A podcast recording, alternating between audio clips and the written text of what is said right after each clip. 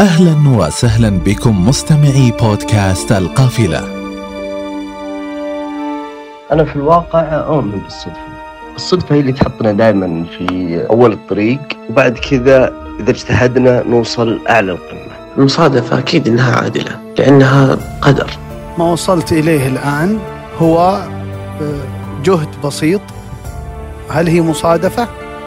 نعم هي جزء من المصادفة إذا كان إذا كانت المصادفة هي جزء من القدر. بالنسبة لي أشوف إن المصادفة احتمال عادل للشخص اللي يبحث عنها. للشخص اللي يفعل باسباب كثير، يتحرك كثير. لأن عندي قناعة تامة إن المصادفة نسبة إنها تحدث مربوطة بنسبة كبيرة في موضوع إنك أنت قاعد تفعل اسباب كثير، تتحرك كثير.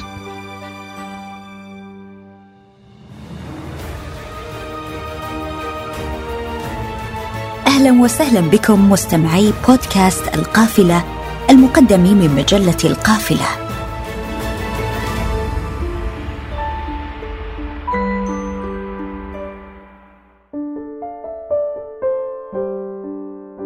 هي أرض خصبة لزراعة الدهشة يتمنى الكثيرون العثور عليها كبوابة سحرية تغير الحياة أو ربما كجني في مصباح مهجور تنقل من يمسك بها إلى فضاء الأمل الواسع. قيل عنها إنها خير من ألف ميعاد وتفسير لكل اللا معقول الذي يحدث من حولنا. قادرة على تغيير مسارات الأشخاص كيف لا؟ وهي التي كانت مفتاحا لعدد من الاكتشافات التي صنعت شكل الإنسانية الحديثة والسيف القاصم الذي قاد للقضاء على كثير من الأوبئة وسهل على الناس حياتهم منذ بدء الخليقة مرورا بعصور اكتشاف النار حتى يومنا هذا. حديثنا في قافلة اليوم عن المصادفة. هل تصنع الحياة بالفعل رحلة في دروبها وعلاقتها بالبشر؟ وكيف حللها الفلاسفة والبشر خلال التاريخ؟ نطرق أبوابها المتنوعة. لنفهم أوجهها المختلفة. على مر التاريخ تعرضت المصادفة إلى تشريح الفلاسفة لسبر أغوارها ومحاولة فهمها بدقة. فكتب السبق في ذلك تلميذ أفلاطون وأستاذ الإسكندر الأعظم الفيلسوف اليوناني أرسطو. خلال أبحاثه خلص إلى أنها لن تخرج عن أربع. العله الصورية والفاعلة والغائية والمادية. فالمصادفة عنده من صنف الأفعال التي تتحقق في صورة القصد وإن كانت عرضية. تنقلت المصادفة في تفسيرها حتى أبقراط الذي كان يتحسس ألفة خفية في الكون تتيح حصول المصادفات بفضل تجاذب متبادل. لكن فيثاغورس قال إن فهم المصادفة يتطلب منا فهم الأبجدية الكونية والانتباه إلى ما تريد أن تخبرنا به من خلال الإشارات التي ترسلها الطبيعة وتضعنا في مواجهتها فهي ذات حياة منتظمة كل شيء فيها مرتبط ببعضه. أما في العصر الحديث فقد أجرى محمود أمين العالم بحثا عميقا في فلسفة المصادفة. نشره عام 1970 درس فيه دلالة المصادفة. ليعرفها بأنها كل دخيل على التوازن والنظام نستشعر معها بالفجائية والتلقائية. وقال إن كل ما نعزوه إلى المصادفة له علة محددة. فالذهاب إلى المقهى بالمصادفة ولقاء رجل نرغب في لقائه بشكل غير متوقع أمر يرجع إلى رغبة المرء في الذهاب هناك. وهكذا في الحالات التي تعزى جميعها إليها. سنجد دائما أن لها علة ووصل في نهاية المطاف إلى استنتاج مفاده أن المصادفة هي أساس العلم الفيزيائي الحديث.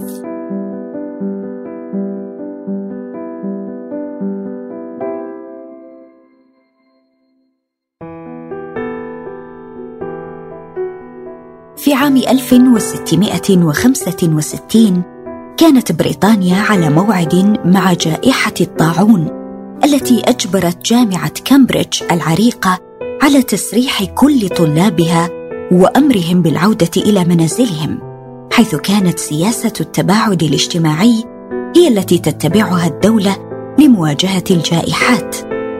كان من ضمن هؤلاء الطلاب إسحاق نيوتن والذي عاد إلى ممتلكات عائلته في وولستورب مانور على بعد ستين ميلا في شمال غرب كامبريدج.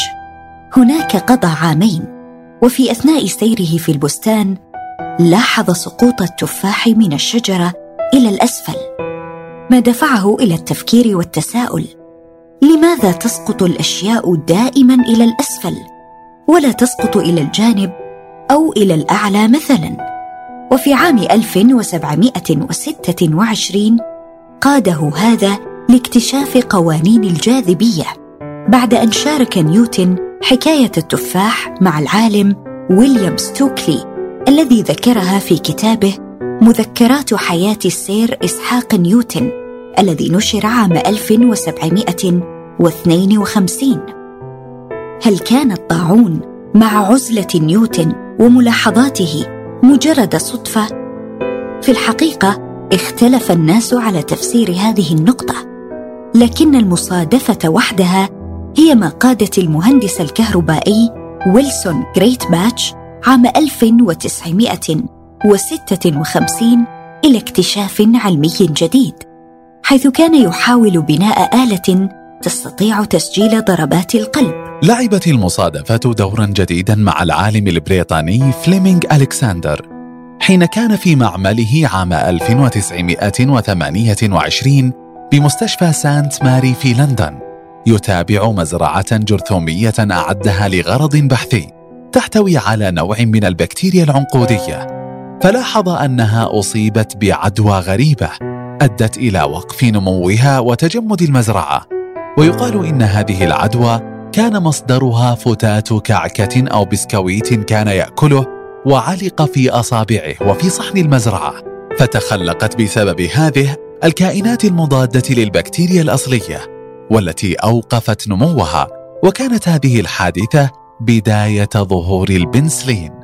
لكن في حقيقة الأمر لا أحد يستطيع الجزم بأي مصادفة حدثت بالفعل أم لا. الأكيد أن بعضها وقع في دائرة المفارقات التي جعلت اللحظة المقبلة معدة سلفا وكأن العالم مسير تحت قيادة المصادفة.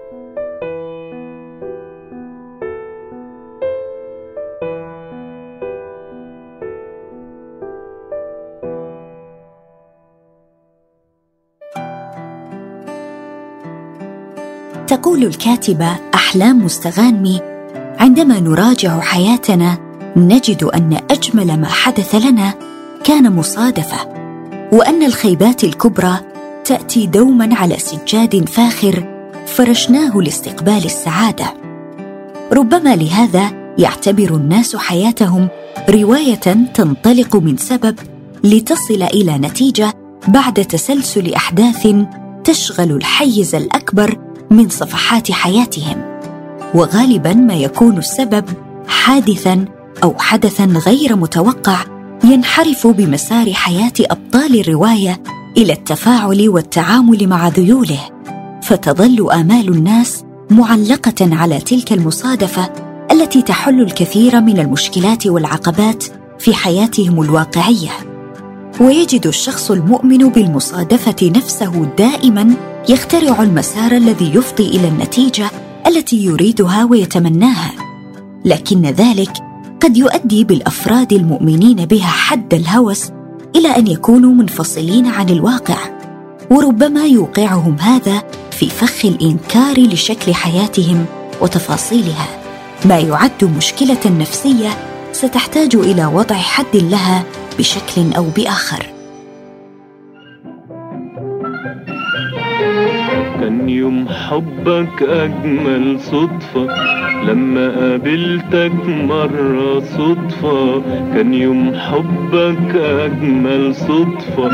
لما قابلتك مرة صدفة قال لي جمالك أجمل صدفة. قال لي جمالك أجمل صدفة. كان يوم حبك صدفة.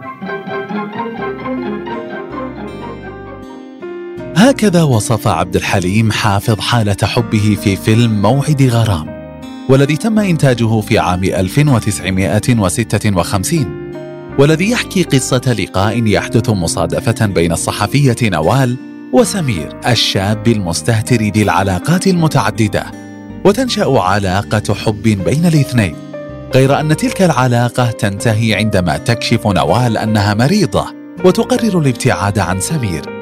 المصادفة دائما ما تشاكس المحبين فهي تلعب الدور الرئيس في تحريك الأحداث منذ شرارة الحب الأولى. ونجدها تكتب على يد المؤلفين في غالبية الروايات الرومانسية. ففي رواية إحسان عبد القدوس الوسادة الخالية الطبيب فؤاد هو الذي يتزوج سميحة التي يحبها صلاح وهو الذي يطبب لاحقا صلاح بالمصادفة عندما نقل إلى المستشفى. ويصبح الاثنان صديقين لصيقين من دون أن يعرف أحدهما علاقة الآخر بالمرأة نفسها. أي أن المصادفة هنا في قلب الحدث وفي صميم محور الرواية. وهذا النمط من استخدام الصدفة هو ما يحول الدراما إلى ميلودراما ويعزز الشحنة العاطفية فيها. وما بين روايات نجيب محفوظ وأعمال يوسف السباعي وغيرها قال النقاد إن رمزية المصادفات في الروايات الرومانسية يجب أن تتوسط كونها أمرا عاديا ليس فيه ما يدهش وأخرى غير قابلة للتصديق إلى درجة مضحكة. فهي أفضل أنواع المصادفات في الأدب لأنها قادرة على أن تشكل بمفردها حدثا مثيرا ضمن مسار أحداث الرواية. يبدد قلق القارئ من تعقيدات الحبكة ويعزز آماله بقرب التوصل إلى حل حيث إنها على عكس الحياة. يمكن أن تكون مقبولة في بداية الرواية لكنها كلما تأخر موضع حضورها تصبح منفرة خصوصا عندما تكون أساس الخاتمة.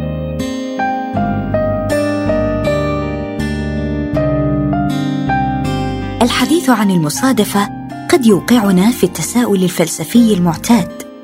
هل ما نمر به من محاسن المصادفات هو في الأصل قدر وما علاقة كل هذا بالتخاطر الروحي الذي قد ينشأ بين الأشخاص ويفسر أيضا بأنه مصادفة.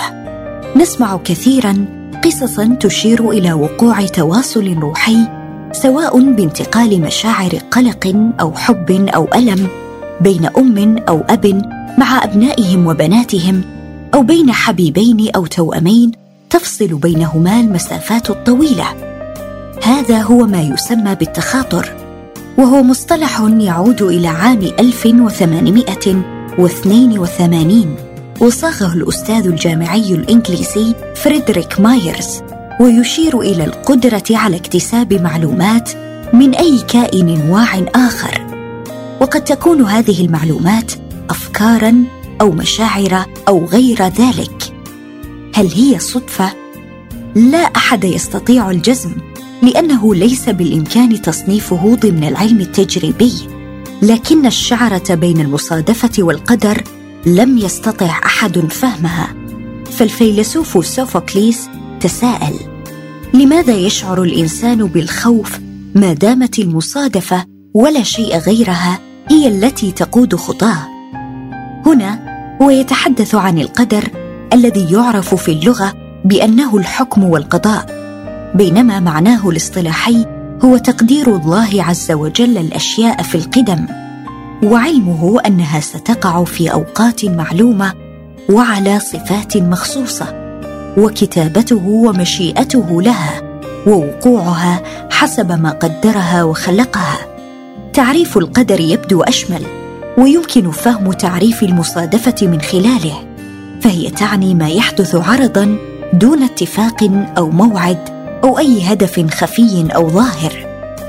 وربما كان هذا هو سر إيماننا بالمصادفة التي تصنع الأقدار فهي تأتي حاسمة ومفاجئة ومغيرة. لهذا قال الشاعر الفلسطيني محمود درويش أجمل ما في المصادفة أنها خالية من الانتظار.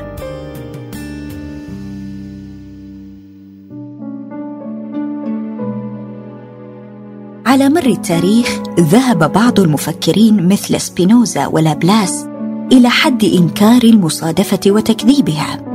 فقالوا إنها وجهة جديدة نتخذها إزاء موقف معين لكونها حدثا فرديا وهي بفرديتها لا تقبل التحليل والتفسير وهي عدم المعقولية في ذاتها. وهذا ما يسمها بالغرابة والندرة والتلقائية. وهذا ما جعل محمود أمين العالم يتساءل خلال رحلته في درب المصادفة عن وجودها بالفعل أم أنها فينا فقط كأشخاص وفي عقلنا الباطن؟ هل هي مجرد أثر نفسي ثم نعزو جهلنا بالحقائق إليها؟ هل هي صفة ذاتية أو موضوعية؟ وهل تنشأ لدينا كشعور تستثيره بعض الحوادث؟ كل هذا قاده إلى التكذيب في أصلها ووجودها وهو ما سمي بمدرسة الواقعية. الثقافة الأوروبية تشربت هذه المدرسة منذ خمسة قرون لتجعل الذائقة العامة تقبل المصادفة المعقولة والتي انعكست حتى في الإنتاجات الإبداعية والفنية. بينما في بلادنا العربية كان الإنتاج الدرامي خلال النصف الأول من القرن العشرين يعكس تصديق الناس وجود المصادفة المغيرة للمصائر حتى لو كانت لا تصدق. لكن مع تعزز الانفتاح على الغرب في العقود الخمسة الأخيرة فرض التحول إلى الواقعية نفسه على نفوس الأجيال الجديدة. بينما نجد في الثقافة الهندية أن الذائقة الشعبية المحلية تستمتع حتى أقصى حد بالميلودراما كلما ابتعدت عن الواقعية الباردة. فالثقافه والفلسفة الاجتماعية ونظرة الناس إلى الكون من حولهم تعول على المصادفة في مواجهة كل أشكال المصاعب في الحياة. ولذا تميل الذائقه هناك إلى تقبل هذه الصدف كجزء من مسار طبيعي لحل عقد تبدو عصية على الحل. مهما تطرفت هذه المصادفة في ابتعادها عن المنطق القابل للتصديق وهو ما عكسته إنتاجاتهم الأدبية والسينمائية. لتغزو العالم ما بين المصدق بالمصادفة والمكذب لها. ومهما تحدثنا عن المصادفة لن نستطيع تفسير سر استعذاب البشر انتظارها ولا سحر عملها لتغيير الأقدار. ستظل في نظر الناس صندوقا أسود يخبئ الأسرار ولؤلؤة في محارة الكون يبحث عنها الناس بشغف إلى الأبد. وصلت حلقتنا إلى نهايتها. نسعد بمشاركتكم لها مع أصدقائكم ومعارفكم الذين اعتدتم مشاركة ما تحبون معهم. ونسعد أيضا بتلقي تعليقاتكم وآرائكم على حساب المجلة بمنصة تويتر. ولنا لقاء جديد في شهر مقبل.